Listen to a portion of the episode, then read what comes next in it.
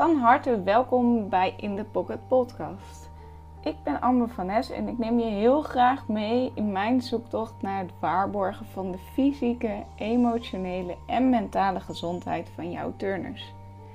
Wat zijn de huidige wetenschappelijke onderzoeken? Welke methodieken zijn verouderd? Wat is nieuw? Niet de stoffige cijfers of het wetenschappelijke geneuzel, maar praktische oefeningen die je direct in je training kan gebruiken. Trainingsleer, sportpsychologie, pedagogisch leerklimaat. Jij kunt meekijken achter de schermen. Welkom bij In The Pocket Podcast en heel veel luisterplezier.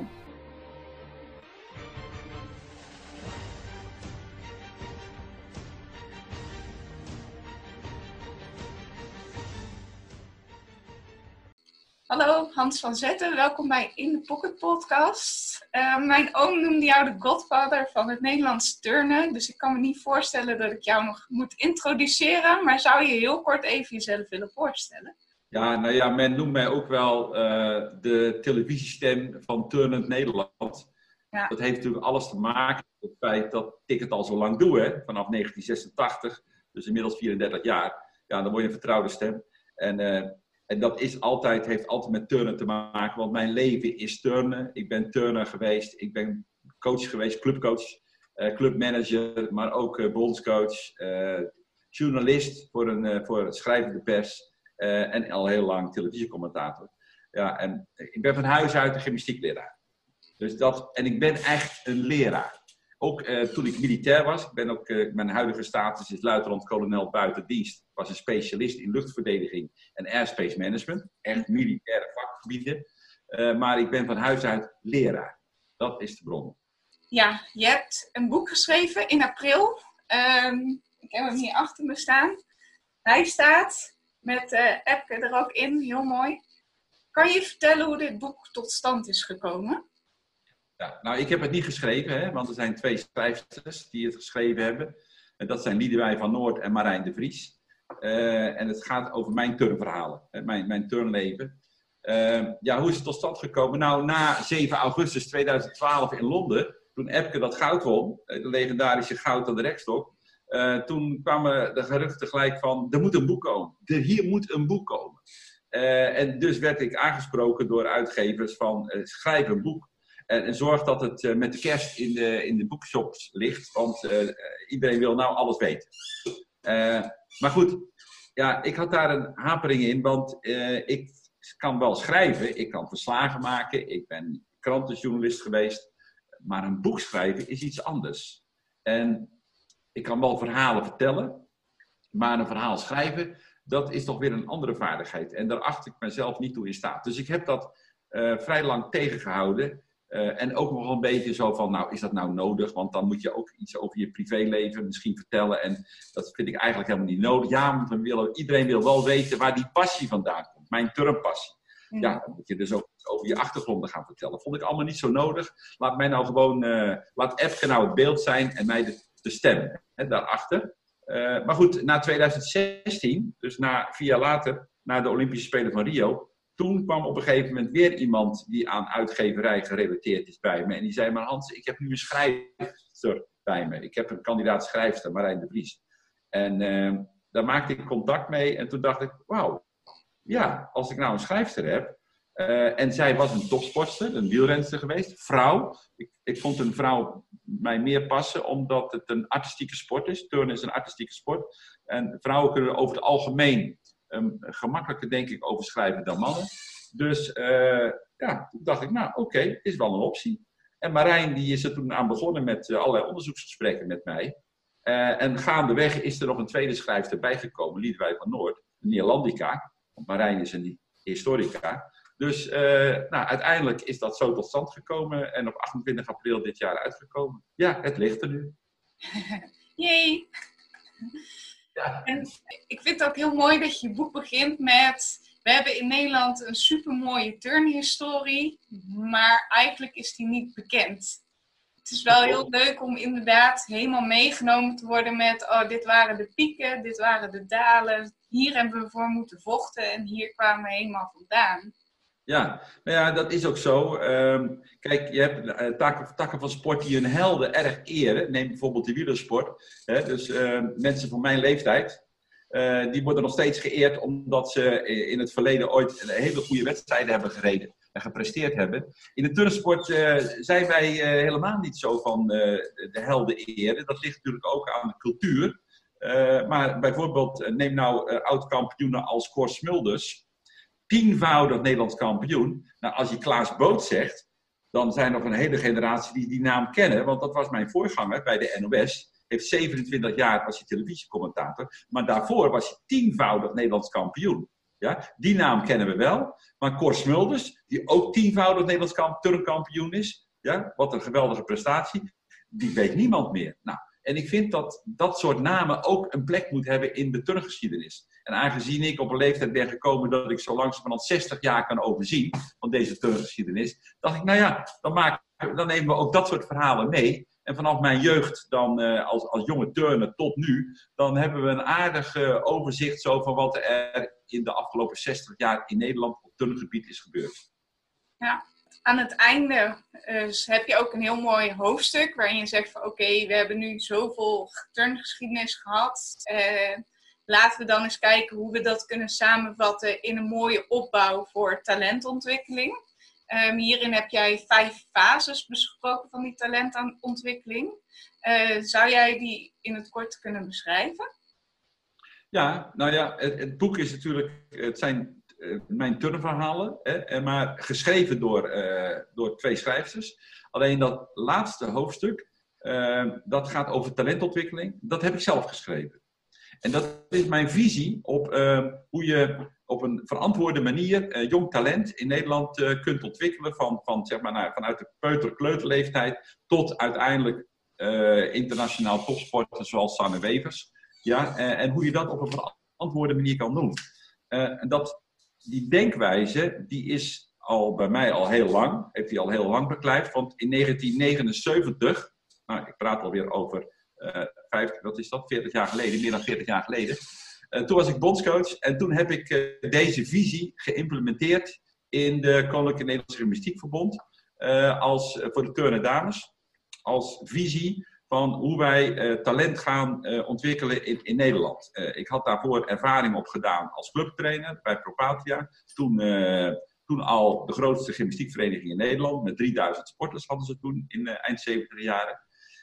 en die vijf fases die uh, volgen eigenlijk de uh, ontwikkeling, de, de ontwikkelingspsychologie van de mens. Dus het begint bij de peuter-kleuterleeftijd.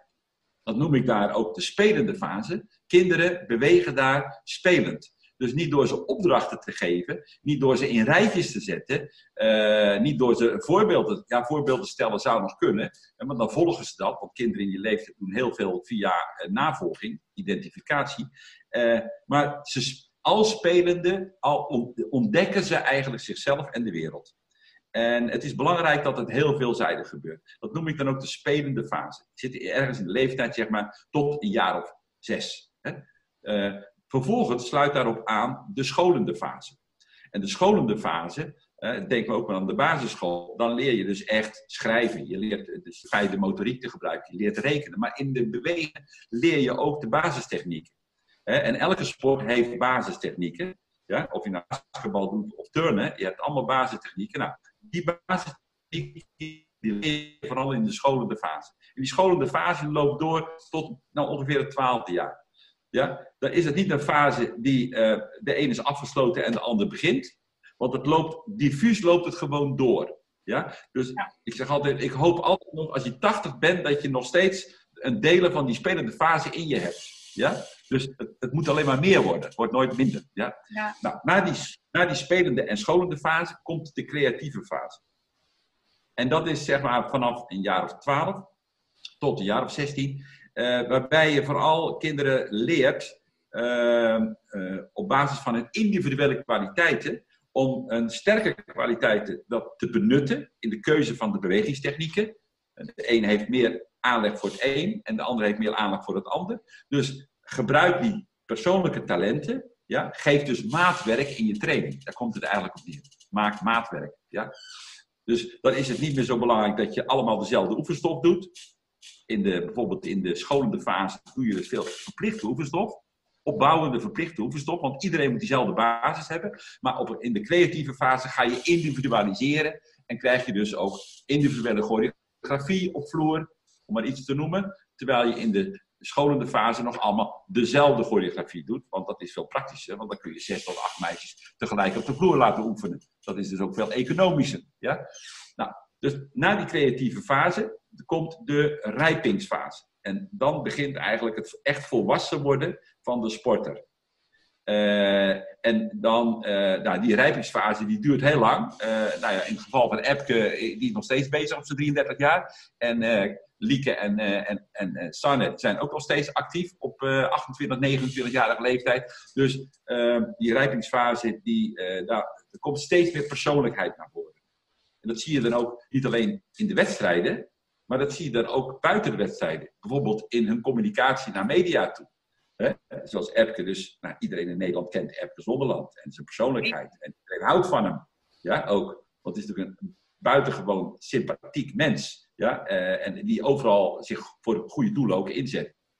Nou, uh, dat zijn dus die fases. En dan uiteindelijk, als je stopt, hè, straks na, na, misschien wel naar Tokio uh, volgend jaar, dan stopt ook Epke. Ja, en dan, is de, dan kom je weer in een nieuwe fase. En dan is de vraag van, dat noem ik de kaderscholende fase.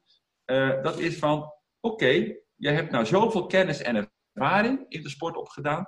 Uh, kunnen we dat uh, als organisatie, als sportdiscipline ook weer hergebruiken? Bijvoorbeeld of als jurylid, of als coach, of als bestuurder, of als sportarts. Je wil sportarts worden? Nou, heel goed. Eh, ik zou dus in de turnsport een hele goede sportarts kunnen worden. Dus kortom, dat noem ik dan de kaderscholende fase. En dan heb je het systeem eigenlijk weer gevuld. Want dan kunnen de, die, diegenen die je daar weer uit uithaalt, kunnen daarna weer kleuters, peuters en kleuters gymnastiek geven, kunnen daarna de jeugd weer de basistechnieken leren, kunnen uh, topsport of jeugd talent, talentontwikkeling plaatsvinden. Nou, kortom, dan is het systeem rond. Dus we hebben de spelende fase, de scholende fase, de creatieve fase, de rijpingsfase en de kaderscholende fase. En zo hou je het systeem steeds gevuld en vindt er steeds innovatie plaats. Ja, ja, ik vind vooral die laatste fase heel mooi dat die eraan toe is gevoegd. Meestal is die topsport gewoon totdat je eigenlijk stopt. En dan denken mensen, oké, okay, is gestopt, het is goed. Sorry. En dat laat jij in jouw boek ook heel mooi zien met Marianne bijvoorbeeld, met jouw zus. Zo, en die wordt gestopt en die valt ineens in zo'n hele valkuil. Er is niks meer, er wordt niks meer geregeld. Je moet ineens alles uitzoeken. En ja, sociaal heb je wat minder meegekregen. Um, school heeft vroeger in ieder geval stopgezet moeten worden en mag je niks meer mee doen.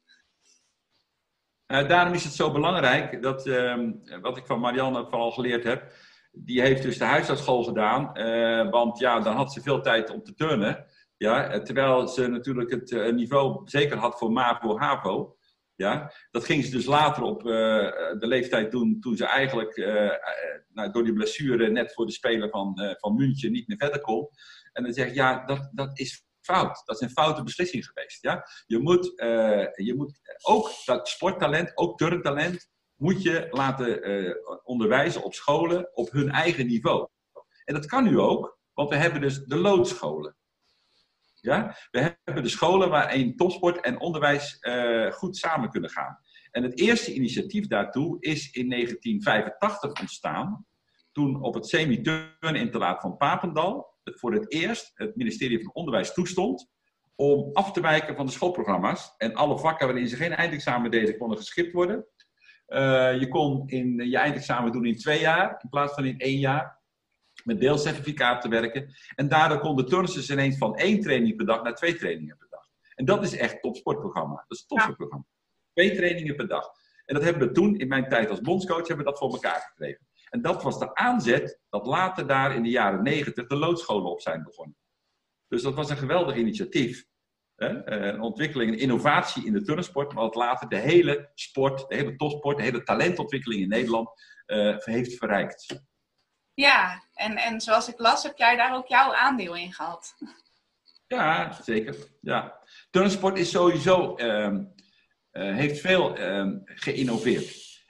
ook in materialen. Eh, in toestellen. en in, in, werkwijzes. En dat heeft te maken dat, omdat het een artistieke sport is.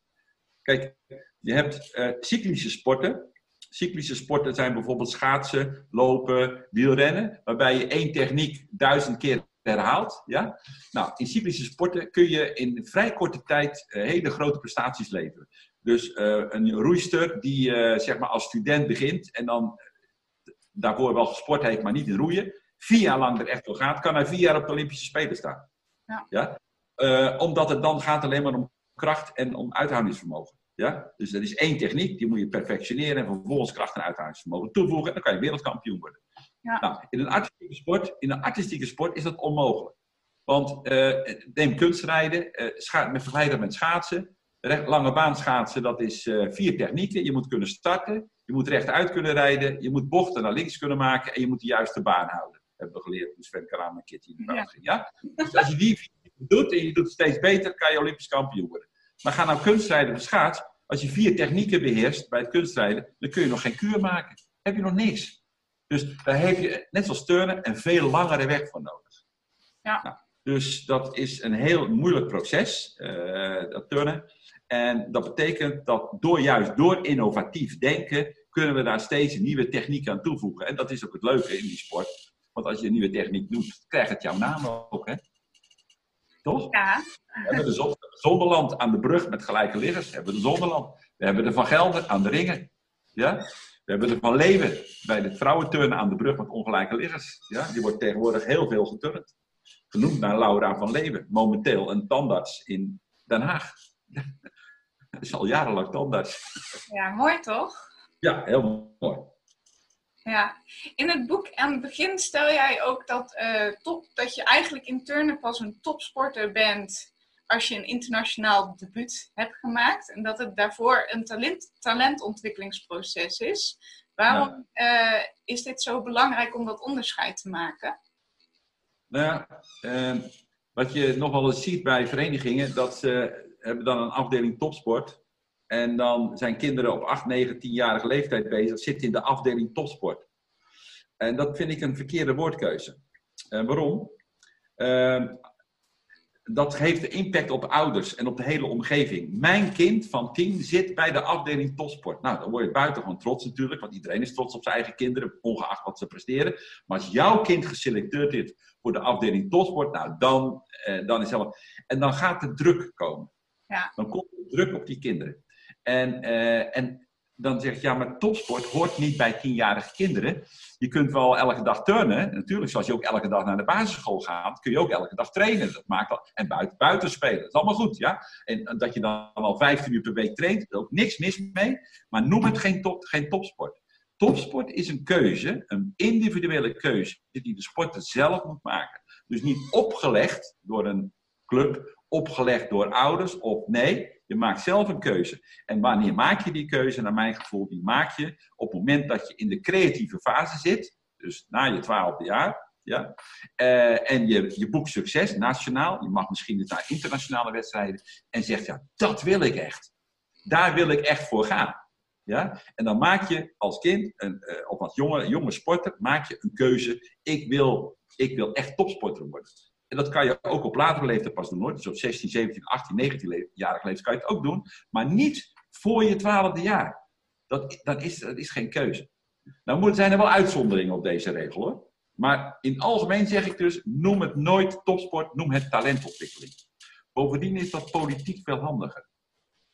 Uh, als je als gymnastiekvereniging, als gymsportclub uh, iets wil, wil hebben in faciliteiten en je hebt de gemeenteraad nodig, ja. niet politieke partijen zijn voor topsport. Maar niemand is tegen talentontwikkeling.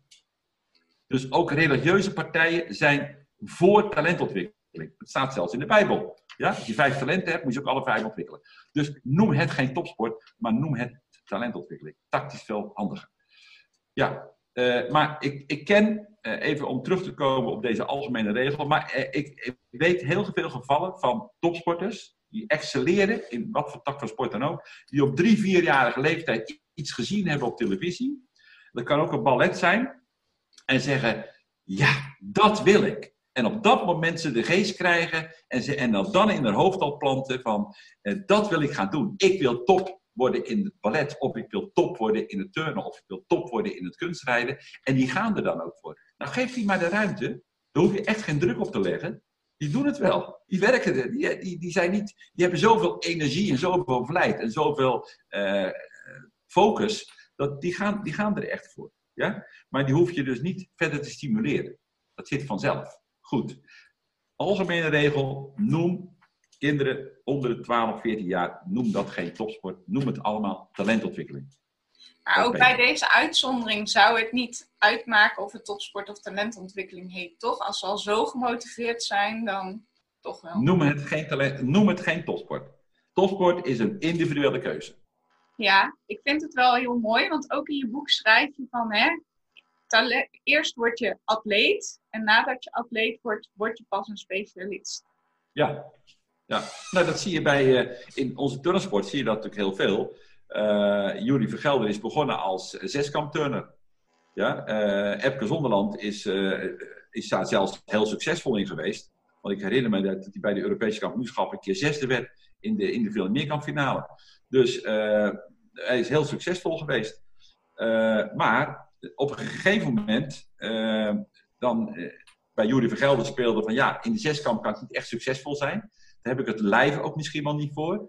Maar hij wist wel, hij had wel het lijf voor de ringen. Want hij had een uh, kort lijf, kort en niet lang, maar wel breed. dus hij had een relatief heel hoog liggend centraal zwaartepunt, dicht bij de schouderas. Nou ja, ringen met krachtelementen is dat alleen maar een voordeel. Als je centraal liggend zwaartepunt dicht bij je schouderas zit, dus daar kon hij excelleren. Nou, dat heeft hij ook gedaan. Ik heb hem in 2005 wereldkampioen zien worden in Melbourne. Geweldig, geweldige gebeurtenis. En drie keer Europees kampioen aan de ringen. Nou, Epke die heeft ook die keuze gemaakt op een gegeven moment van ik ga specialiseren. Sanne Wevers ook. Ja, uh, die is van de Meerkamp ook uh, zich toe gaan leggen op brug en op balk. En vooral balk, dat was haar toestel waarop ze al op jonge leeftijd eigenlijk al excelleerde. Want ik meen dat ze op 16, 17-jarige leeftijd al een keer een wereldbekerwedstrijd won. Op de Eversbalk. Nee. Ja, maar, maar wat is de basis, de gedachte erachter is, je, je begint breed. Iemand wordt breed opgeleid. Ja? Dus bij de kleuter- en peutergymnastiek en jeugdgymnastiek zoveel mogelijk alle, alle grondvormen van bewegen aanleren. En uh, jij, jij stuurde me daarvoor ook die Athletic Skills Model, hè, met die schijf van 10. Nou, ja. helemaal goed. Dat, dat, dat, alles wat daarin staat, in die schijf van 10, daar moet je de jeugd vooral mee uh, bezig laten houden. Ja? Heel breed opleiden. En daar kun je dan, en dan leg je een heel goed fundament. En niet alleen maar voor, om als ze straks een keuze maken en ze willen excelleren, maar ook als ze daarna in een andere tak van sport, want waarom zou je altijd je hele leven dezelfde tak van sport doen? Ik doe geen turnen meer, ik ben met andere dingen bezig. Ik ben nu stijldanser geworden, ja, en ik doe fitness, maar geen turnen meer. Dus uh, als je een brede basis hebt gehad, dan pik je dat andere ook snel op. Ja, ik ben in stijldansen een snelle leerling, leerling van mijn lerares. Dus dat heb ik ook geleerd. Dankzij een brede basis in het turnsport. Ja, en het mooie is, is als je al die grondvormen dan leert, dan zijn ze inderdaad gewoon een brede beweger. Een goede, ja, een goede beweger. Veelzijdig bewegen, ja. Veelzijdig. En uh, wat het Athletic Skills model bijvoorbeeld ook doet, is die zegt, we hebben dan onze eigen sport, de turnsport, maar we hebben ook donorsporten. Dan pakken we een andere sport en dan kijken we daar eens hoe ze moeten leren omgaan met de bewegingen daarvan. Nou is ballet in turnen een heel ja, veel voorkomende donorsport, maar zijn er nog andere sporten? Bij vrouwen, hè? bij vrouwen. Bij vrouwen. ballet is vooral een goede donorsport voor damesturnen. Hè? Dus uh, om dat te combineren. Mijn zuster deed het al toen heb ik het al gezien. Ja, en uh, ik, heb het, uh, ik heb het voordat zelf mogen hebben dat toen ik zelf turncoach was, er altijd een choreograaf met mij samenwerkte. In de club was dat mijn zuster en bij het nationaal team was dat Rietje Bijlold. En ik had altijd een pianist in de hal. Ja, dat, uh, die tijden heb ik ook allemaal nog meegemaakt. dat zelfs dat de turnoefeningen nog begeleid werden door de pianist. Dat er bij elke wedstrijd nog een vleugel naast de vloer stond. Ja? Uh, en in die tijd uh, dan had je dus en muziek en dans en turnen. Dat was het combinatieplaatje bij vrouwenturnen. Ja. ja? Maar ja, maar inderdaad, je, zijn, je kunt, het gaat er allemaal om dat je iemand breed opleidt. Ja, daar gaat het om. Ja, maar is er dan ook zo'n donorsport voor bijvoorbeeld herenturnen? Nou, uh, jij, jij, jij, noemde iets aan een andere sport. Uh, over, dat was dat ook? Ja, dat zou ook kunnen. Uh, maar ik vind zelf dat.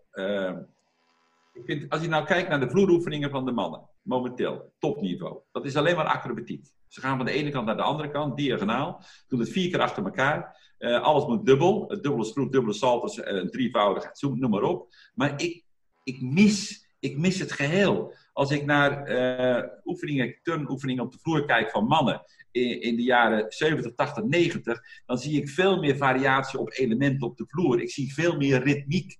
Uh, ik zie zweefhouding. Vroeger was een, zweef, een vorm van een zweefstand was verplicht. Ja? Ik mis dat. Dat, dat stilte moment. Ja? Van, en nu even een houding twee seconden stilhouden. Want uh, al die dynamiek, dat is weer, dat is weer extra moeilijk. Ja? Dus ik moet zeggen, het herenturnen op de vloer vind ik buitengewoon eenzijdig geworden. En het zou uh, het vloerturnen weer een nieuwe dimensie geven voor mannen als er veel meer ritmiek in kwam. Dus ook met gymnastische sprongen. Dat hoeven niet dezelfde sprongen te zijn als bij de vrouwen. Hè, want eh, de, de, de, mannelijke balletdansers maken andere sprongen dan de vrouwelijke, uh, de vrouwen die ballet doen. Ja? maar ik, ik, mis toch het artistieke, het dansgedeelte bij de mannen op de vloer niet hetzelfde bij de vrouwen, maar een eigen dansstijl. Uh, als je in Japan kijkt, dan hebben ze bij universiteiten doen ze daar uh, ritmische gymnastiek. Voor groepen mannen. Met z'n zessen of met z'n achter gelopen doen ze dat. Uh, staan ze op de vloer. Je kunt op YouTube daar filmpjes van zien. Geweldig. Een combinatie van acrobatiek en dans. Maar op een mannelijke manier. Fantastisch. Dat zouden we een klein beetje moeten gaan krijgen in het mannenturnen op de vloer.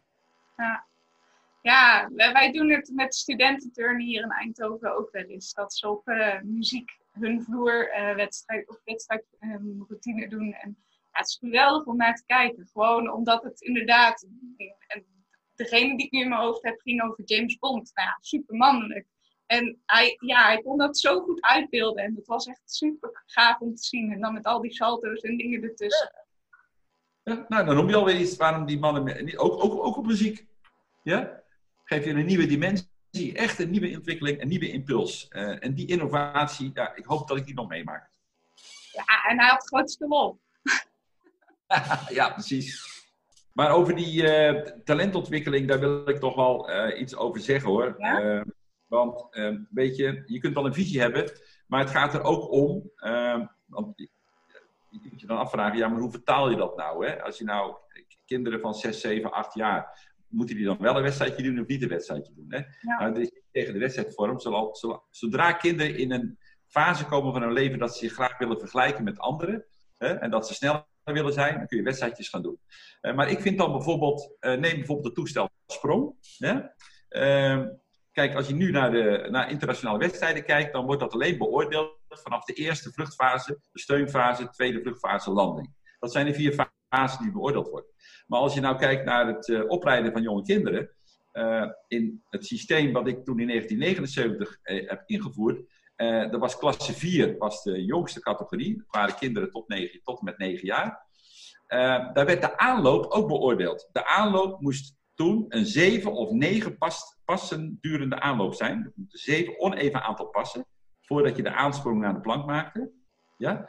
en dat, daar werden eisen aangesteld. Dus er waren criteria aangesteld waaraan die aanloop moest voldoen. Kortom, de coaches werden gedwongen om looptraining te geven, om te leren lopen. Ja? Uh, hoeveel kinderen zie je die naar het toestel lopen met allerlei aritmische dingen en uh, remmingen en? Nee, dat vergt dus aandacht.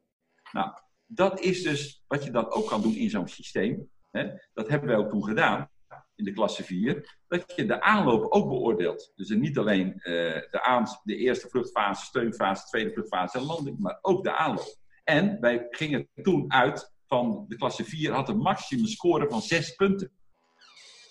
Dus, van, dus dat waar, als je, als je 5,0 had, had je een hoge score. Ja? Uh, en de klasse 3 had een maximale score van 7 punten. Wat zie je tegenwoordig als je kinderen op, uh, van onder de 12 jaar, als die een wedstrijdje doen, uh, dan zie je al scores van uh, eh, 9 punt zoveel. Ja. En naarmate ze ouder worden, worden die scores alleen maar lager. Ja. Dus wij pedagogisch gezien dat je iemand de gelegenheid moet geven om ook zijn score te zien groeien. Ja? En als je kinderen dus van 9 jaar zegt van nou de maximum score is 6. Ja? En je kunt dan, nou, 4,0 of 4,5 of 5, nou, op 10 punt nauwkeurig kan dat nog. Ja? en een jaar later kan je tot 7 gaan. En weer een jaar later tot 8. En weer een jaar later tot 9. Ja? Dus nou, ja, dan, dan groeit ook je score. En daarmee ook, uh, zeg maar, dan krijgt het ook iets van objectieve waarde, die score. Ik ben al aan een 7 of ik zit al in de 8 score. Ja. In plaats van dat je elk jaar een lagere score krijgt, omdat de eisen dan hoger worden. Ja, ja, maar ik snap wel dat het super demotiverend is. Dan doe je je best, je ziet jezelf ontwikkelen, groeien en je cijfer gaat naar beneden. Ja, beter turnen en Ja. je cijfer lager. Hmm. Dus dat kan je ook in zo'n systeem, ehm, kun je dat dus eh, doorvoeren. Eh, eh, wat wij toen ook deden, dat wij ook allerlei trainingsprogramma's aanboden. Dus niet alleen wedstrijdprogramma's, trainingsprogramma's, trainersopleidingen, juryopleidingen en eh, wedstrijden eh, werden ook in een bepaald systeem, met wat je tegenwoordig nu altijd ziet, eh, dus de dubbele vloer, dat je één vloer in het midden hebt, dat, daar wordt door twee groepen ge- gebruik van gemaakt, om en om. Er zitten twee panelzuurleden om en andere toestellen, twee bruggen, twee balken, twee sprongen. Ja. Dat is in die tijd toen ingevoerd.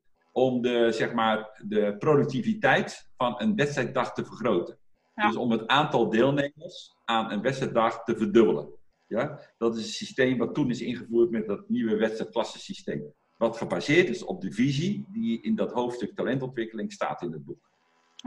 Maar eh, er zijn nu die, die fases. Zijn er ook bepaalde competenties voor trainers die in elke fase thuis worden? Want niet iedereen is een topsporttrainer, maar niet iedereen is ook een kleutertrainer. Ja, ja daar heb ik, me, dat heb ik me niet over uitgelaten, want daar gaat dit boek helemaal niet over. Het is geen methodisch boek, het is geen eh, studieboek voor eh, trainers, het is een verhalenboek. Ja? Vooral een verhalenboek. En eh, alleen het laatste verhaal, dat is geen verhaal meer, de talentontwikkeling, daar heb ik, dat is eigenlijk mijn, mijn preek, als je het zo mag noemen. In, in het boek lees je ook dat ik op jonge leeftijd een keuze moest maken, word ik dominee of word ik gymnastiekleraar? Nou, het is gymnastiekleraar geworden. Ik heb later na Londen en na Rio wel een preek mogen houden in kerken. Sommige kerken noemen ze dat de preek van de leek. Ik was ben een leek, ik ben niet een opgeleid dominee, maar een leek. Dus ik heb wel mogen preken. Nou, dat laatste hoofdstuk over talentontwikkeling, dat is eigenlijk mijn preek aan, aan de turngemeenschap van... eh, dit is mijn visie over hoe je talent op een verantwoorde wijze in een veilig sportklimaat kunt ontwikkelen. Ja, Meer is het ook niet. Dus verwacht niet van mij dat ik trainers op. Die heb ik vroeger allemaal opgeleid. Dat doe ik tegenwoordig allemaal niet meer. Dat is allemaal passé. ja. Oké. ehm, ik heb nog een aantal vragers van eh, trainers. Eh, zal ik die één voor één oplezen? Ja, ik hoor het wel. Ik ben benieuwd. De eerste vraag is: wat vind je ervan dat heel veel mensen de Hans van Zetten bingo spelen? Ah, ja, dat was naar Londen, geloof ik, eh, kwam dat ineens. Ja, grappig. Eh, ja, ik heb daar verder, verder geen oordeel over. Ik vind het alleen maar, ja, ik vind het wel grappig, maar ik zou zeggen, eh, mijn ego heeft het niet nodig. Ja? Maar als mensen daar plezier aan hebben, ga je gang. Ben je daardoor bewuster geworden met wat je zegt op tv? Nou ja, kijk, eh, in de turnsport hoort, hoort ook een bepaald jargon. Dat hoort bij voetbal ook en dat hoort bij wielrennen ook. Ja? En ik kan me nog goed herinneren, toen ik voor het eerst naar de, als televisiecommentator naar de Spelen ging, dat was in 1988 in uh, Seoul, ja, eh, dat ik toen eh, een bewuste keuze heb gemaakt, eh, die afweek van wat Klaas Boot voor zichzelf als keuze had. Klaas Boot, mijn voorganger bij de NOS, eh, die vond al die namen van, van turners die een element hebben bedacht, eh, dat vond hij allemaal eh, niets. Hij vond het te, te complex. Dus hij wilde het allemaal eenvoudig houden en hij in gewone mensentaal zeg maar vertellen. Maar ik vind dat je bij de turnsport he- heb je ook jargon nodig. Hè, bijvoorbeeld het woord amplitude, waar ik toen over begon, hè, dat, dat is voor vele mensen een heel nieuw woord. Omdat ge- gezien de turnsport. Maar in, eh, in, in, in de turncultuur, mondiale turncultuur, is het een woord wat erbij hoort. Van zowel de externe als de interne amplitude. Ja? En, en, en wat ik grappig is, nu ik dat woord eh, nou, regelmatig weer gebruik, soms even uitleg ook wat het betekent, dat, dat ik krijg er ook veel positieve reacties op. Ja, en, en, mensen vinden dat ook mooi, dat, dat dit een eigen karakter heeft. En dat moet ook genoemd worden. Ik vind ook dat het belangrijk is dat we in de turnsport dat eigen jargon ook erin houden. En dat we dat ook leren. Dat we dat overdragen. Want elke coach is een cultuurdrager die, zijn, die de turncultuur en de turnkennis overdraagt aan jongere generaties. Ja? En gebruikt daarbij ook het vocabulaire wat erbij hoort. Zeker, zeker. Maar het maakt het ook veel duidelijker. Want een turncoach weet gewoon, oh, we gaan nu dit doen. En dat je het dan even voor mijn ouders bijvoorbeeld uitlegt, vind ik prima. Maar dan weet ik in ieder geval, oké, we zijn hier en we zijn hier. Precies, precies. Dus het maakt het echt ook gewoon makkelijker, duidelijker. Ja, zeker. Je moet alles kunnen verbaliseren. Uh, en, en elke, elke beweging uh, hoort bij een woord. Hè? Ja. Uh, en, en, zie je ook maar in, de, in, de, het ballet bijvoorbeeld, daar waar ook alles in Frans dan en de eigen namen heeft. Nou, zo heeft elke turnbeweging, elk turnelement heeft ook een eigen naam. En, en, en zo moeten we dat ook noemen. En dat moeten we er wel inhouden. Trots zijn, trots zijn op onze eigen vocabulaire. Ja, in het boek schrijf je ook van, als ik presentator ben bij bijvoorbeeld de Olympische Spelen, was dit voorbeeld, dan kijk ik even van, oké, wat is de snelste route naar het toilet en, en hoe zit dat in elkaar? Hoe ziet jouw dag er eigenlijk uit als presentator? Nou ja, kijk, bij de Olympische Spelen zit ik altijd op locatie. Dus uh, winter- en zomerspelen, ik ben daar drie weken. En um, als je nou een, een turntoernooi is lang, uh, telt tien of elf dagen. Dus ik heb veel uitzendingen over het algemeen. In Rio waren ze over het algemeen live. Nou, wat, hoe ziet mijn dag er dan op zo'n dag uit, op zo'n uitzenddag? Uh, dan sta ik op de normale tijd op. Ja? Ik doe even mijn, mijn mobiliserende oefeningen. S morgens voordat ik mijn bed, voordat ik mijn bed uitstap. vooral voor mijn onderrug, want ik heb een zwakke onderrug. Dus ik moet mobiliserende oefeningen doen. en als ik me dan gewassen en ontbeten heb, eh, dan zit ik eh, achter mijn bureau en dan ga ik de wedstrijd voorbereiden. En die is heel belangrijk, mijn wedstrijdvoorbereiding. Dat betekent dat uh, ik kijk wie die dag uh, in actie komen. Als het de finale is, dan is dat een beperkt aantal. En is het een uh, landenwedstrijd, dan zijn het er over het algemeen meer. Hè, want er zijn acht landenteams. En als er dan vijf in een team zitten, heb je dus al veertig deelnemers. Ik heb van elke deelnemer heb ik een file, een A4. Bij sommige Epke heeft al 10 A4'tjes achter elkaar geniet. Hè? De hele carrière. Nou, uh, maar heb ik een file en dat is een, een standaard format waar ik alles invul met potlood of met pen. Maar ik, ik werk dus niet met een computer erbij, laptop, want dat kan niet. Want ik heb het op papier nodig. Ik heb het onmiddellijk nodig. Ja? Dat vel papier, waar de, zeg maar, alles wat met die persoon te maken heeft, zijn gegevens, zijn persoonlijke gegevens, maar ook uh, zijn human interest, maar ook uh, zijn resultaten uit het verleden, die staan er op dat papier. Die werk ik bij. Ja? Hoe is hij in die finale gekomen? Wat is zijn score geweest toen? Wat, wat is zijn beste score tot nu toe? Dus daar ben ik een tijd mee bezig om al die biografieën, om die weer te updaten. Vervolgens, rechts onderaan, moet ik het uh, oude startnummer, of moet ik een nieuw of startnummer erin zetten met potlood. Want dat moet ik later bij een wedstrijd eruit kunnen gummen, moet ik een nieuw startnummer in kunnen zetten. Ik zet ze dus in startvolgorde in mijn klapper. Ja? Bij live-wedstrijden zit er iemand naast mij. Die bedient mijn klapper. Dus als startnummer 342 in beeld komt, dan is degene die naast me zit, zorgt onmiddellijk dat 342 open staat. Dat ik daarop kan kijken. Ja? En dat ligt in de lijn van mijn monitor, waar de wedstrijd op uitgezonden wordt. Zodat ik, dat is een vaste plek. Ja? De andere monitor uh, in de wedstrijd is de uitslagen. Nou, dat moet ik dus voorbereiden in de ochtend. Maar ook uh, als het een teamwedstrijd is, van uh, wat zijn de behaalde resultaten in het verleden geweest? Hoe vaak heeft deze, dit team, uh, dit land in een finale gestaan? wat zijn hun kansen geweest in de kwalificatie? hoe is de teamsamenstelling ten opzichte van de vorige Olympische Spelen geweest? Of zijn er sporters die bij de vorige Spelen er ook al bij waren? Nou, dat soort dingen breng je in kaart. en dan ook denk je na over wat zou er in die wedstrijd kunnen gebeuren. Bijvoorbeeld, uh, het is me ooit gebeurd dat, uh, ik herinner mij, uh, Olympische Spelen 2004 in Athene, dat het publiek ging scanderen omdat ze het niet eens waren met een beoordeling van Nemov, de Rus, Nemov, Alexei Nemov, aan de rechtstok. Die kreeg voor ons publiek dan aangescoren.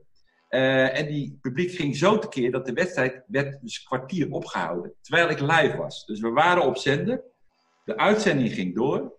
Er werd niet geturnd, er was alleen maar schandaal. En toen uh, is het belangrijk dat je dan kan vertellen, ja, wat gebeurt er nu? Er is een protest. Ik zie mensen heen en weer lopen, mensen van de jurytafel. Wie zijn dat dan?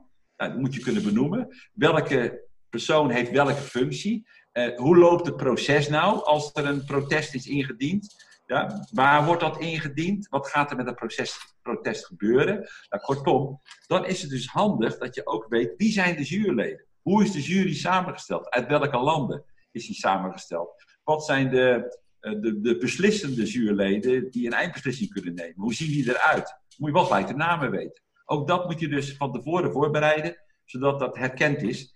Nou, dat zijn de, de what-if situaties. Als er zoiets gebeurt, dan moet je daarop kunnen reageren. Ja? Nou ja, uh, en dan probeer je zo goed mogelijk in te denken. Wat zou er op zo'n wedstrijd kunnen gebeuren waar ik onmiddellijk op moet gaan reageren? Nou, dat duurt zo'n voorbereiding voor een wedstrijd die zeg maar 2,5, 3 uur duurt. De wedstrijd 2, 2 tot 3 uur. Afhankelijk van is het een toestelfinale of is het een uh, individuele meerkampfinale. Uh, dan ben je daar pak een beetje zo'n uur of drie tot vier mee bezig met je voorbereiding. Dan moet je vaak ook nog reizen naar de, naar de wedstrijdlocatie, dus van waar je woont. Het, hotel of het appartementscomplex. Uh, je moet door een beveiliging heen. Dat is altijd strenge beveiliging bij Olympische Spelen. Dus dat kost allemaal tijd. Je moet tijdig uh, op je commentaarpositie zitten, want ze willen graag in Hilversum wel zeker weten dat de verbinding klopt. Dus ja. je moet uiterlijk een half uur voor de wedstrijd moet je verbinding kloppen. Dus ik ben meestal een uur voor aanvang van de wedstrijd op mijn commentaarpositie. Ja? Uh, en dan heb ik natuurlijk al lang verkend waar de route naar het toilet is. Want uh, je zal maar een wedstrijd hebben, een toestelfinale met vijf finales. Dat duurt gauw drie uur. En als er dan een ceremonie protocolair is die niet uitgezonden wordt. En ik moet even nodig naar het toilet. Dan kan ik de kortste route naar het toilet vinden. Om weer tijdig op een commentaarpositie te zitten. Ja, dat zijn allemaal praktische dingen waar je gewoon rekening mee moet houden. Ja, en dan, uh, dus dan heb je die wedstrijd en dan s'avonds, ja, dan is het uh, weer even cooling down. Hè, van uh, even. Want er is weer zoveel emotie geweest in zo'n wedstrijd. Ja, ja. Ja, dat, horen, dat voelen mensen ook wel. dat als, als er emotie is in zo'n wedstrijd, dan, dan, dan leef ik daar ook mee mee. Ja, nou ja, dat, dat hebben we gezien in 2012. Ja, precies. Ja. Toen ging ik zelfs helemaal naar het dak. Ja, inderdaad. Ja, toen was ik in dezelfde flow als Epke. Ik, ik had me helemaal geïdentificeerd met hem. Nou, dat is eigenlijk wel zo uniek dat, en dat merk je dat, dat, dat sport, dat is nog steeds een uniek sportmoment. Dat blijft nog tientallen jaren een uniek sportmoment. Zo uniek, uh, waarom? Ook omdat uh, die drie elementen aan elkaar, die Epke toen deed, dat is tot de dag van vandaag, we leven nu acht jaar verder, hè, is nog niet gebeurd. Hè? Dus ja. er worden wel twee vluchtelementen aan elkaar, die complexe vluchtelementen aan elkaar gedaan, maar drie, door niet, ook door Epke niet. Hè? Ik verwacht dat het in Tokio volgend jaar, als Tokio doorgaat, dat dan het gaat gebeuren. Dat er dan ook drie vluchtelementen achter elkaar komen. Misschien wel, als het van Epke niet is, misschien wel van Bart Durlo. Wie zal het zeggen? Ja. Of andere, andere Nederlandse deelnemer. En dan hebben we iets om naar uit te kijken, toch? Zo is dat. Ze zeggen wel jammer hè, dat de spelers zijn uitgesteld. Ik zeg alleen maar, turnen is de sport van het uitgesteld genoegen. Je moet heel lang je vastbijten in een bepaalde turntechniek om het goed onder de knie te krijgen. Ja? Maar dan op het moment dat het dan ook lukt, dan is de, de, de genoegdoening is ook des te groter. Nou, de spelers zijn uitgesteld, dus het toeleven naar het moment volgend jaar is nu langer. We kunnen nog langer voorpret hebben voordat het zover is. Dus mijn voorprettermijn is toegenomen. Ik kijk er naar uit. Ja. Um, ik kijk even naar de tijd. We hadden afgesproken om uh, af te ronden. Ik heb nog drie vragen. Wil je nog doorgaan of zeg je laten we het afronden met een laatste vraag? Wat je wil, wat jij wil. Je hebt de regie. Oh. Nou, ik vind het wel leuk om nog even te stellen. Um, de volgende is: wat is het meest opmerkelijke wat er gebeurd is tijdens een turn-evenement waar jij aanwezig was? Het meest opmerkelijke. Mag ik je zeggen, mag ik dat vertalen dat het meest, wat mij het meest stoort? Oh, dat mag ook. Wat mij het meest stoort in turnwedstrijden is het totale gebrek aan publieksvoorlichting. Dus uh, er is sinds Londen 2012 hebben de Britten dat goed opgepakt. Die hebben de publieksvoorlichting tijdens turnwedstrijden, die begonnen al een uur voor de wedstrijd. Toen begonnen ze al met een, met een voorprogramma. Ja? En op het moment dat dan de finalisten, de turners en turnsters de hal binnenkwamen, dan was er een geweldige sfeer in de hal. Ja, 15.000 mensen die al opgewarmd waren. Uh, en, ook tijdens de wedstrijd was er een perfecte publieksvoorlichting, werden meegenomen. En ik hoor wel eens uh, van mensen die dan uh, Nederlandse, Nederlanders die bij de Olympische Spelen op de tribune gaan zitten en die zeggen na nou, een turnwedstrijd, ja het is geweldig, maar ik mis, ik mis het commentaar. Ik mis de toelichting, ik mis de duiding. Nou, dat, dat ontbreken daarvan, zelfs ook bij in Nederland en ook bij de nationale kampioenschappen in Ahoy, dat vind ik het grootste gemis, de, de gemiste kans ook in de turnsport. Ja. Ik ga wel naar een grote wedstrijd in het, in volleybal. Uh, bijvoorbeeld in Apeldoorn, hè, waren die uh, Olympische kwalificatiewedstrijd van de vrouwen. Nou, geweldig hoe ze dat, uh, daar, daar sfeer brengen en het publiek meenemen. Nou, die publieksvoorlichting, daar ligt nog een geweldige kans in de turnsport. Dus dat zou mooi zijn, als dat zou gebeuren. Ja. Maar even terug naar de vraag. Die vraag was eigenlijk van, wat is het meest opmerkelijke wat gebeurd is? Ja, ik kan niet een, één moment duiden, want er is in die 34 jaar zoveel gebeurd als ik soms beelden terugzie van, van, van 20 jaar geleden, dan schiet er mij weer, dan krijg ik weer een heel verhaal. Er is nu één verhalenboek verschenen, hij staat, maar ik kan nog wel drie boeken vullen met verhalen uh, van anderen die ik heb meegemaakt. Want ja, het is zo rijk geweest wat ik allemaal heb meegemaakt, dat ik kan niet één moment er echt uithalen. Maar Epke, dat was wel het meest belevingsvolle moment. Ja, ja, ja. En in je boek schrijf je ook over dat je... Uh naar een van jouw trainers toestapt en zegt van misschien moet je de turnsters een training geven, hoe zij zelf in de pers, um, de pers te woord staan. Daar heb ik ook een vraag over gehad. Want een van de luisteraars die vraagt, in de turnsport zie je dat veel turnsters heel discreet en subtiel zijn van wat ze echt vinden. Het heeft heftige regelgeving omtrent de media. Vind je dat mensen wat meer hun eigen verhaal moeten vertellen in media, de turnsters? zeker. zeker. Ik vind altijd dat turnsters uh, moeten zeker ook uh, uitgedaagd worden om een verhaal te doen. Ik zeg tegen ik heb ze wel eens voorlichting gegeven, het nationaal team. En zei, kijk, je moet je goed realiseren, jullie hebben een hogeschoolopleiding in de turnsport.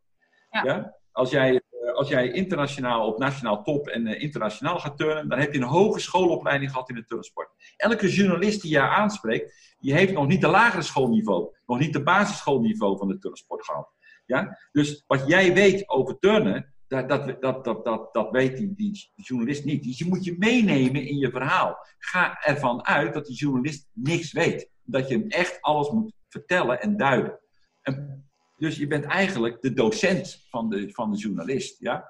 Uh, en dat bewust maken bij sporters is denk ik belangrijk.